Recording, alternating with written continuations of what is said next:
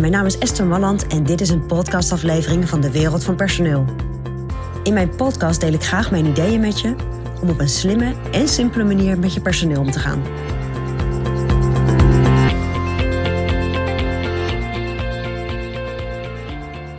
Ja, vandaag las ik op LinkedIn een stuk van een uh, arbeidsjurist die heel veel ontslagzaken doet over de meest opmerkelijke ontslagzaken.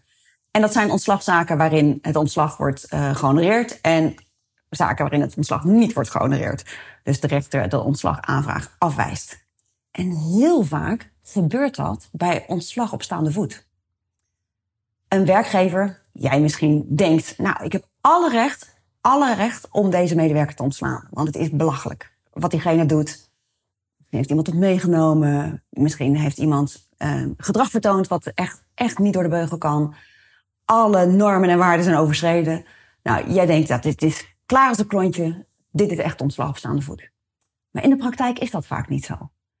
Een van de belangrijkste dingen waar een rechter naar kijkt is... is de persoon gewaarschuwd? Is, heeft de persoon, heb je de persoon duidelijk gemaakt dat het gedrag wat hij vertoonde, dat dat niet kon?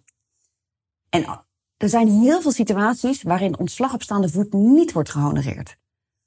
Terwijl je als bedrijf denkt dat het wel zo is.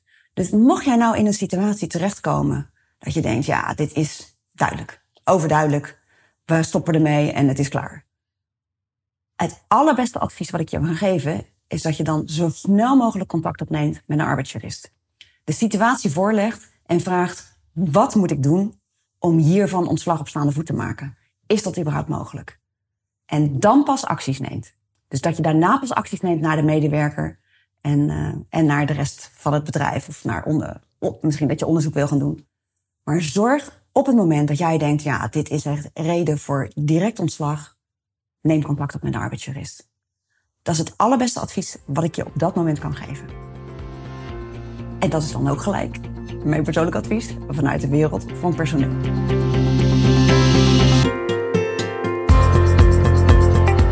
Wil je ontwikkelingen in de wereld van personeel blijven volgen? Abonneer je dan op ons podcastkanaal.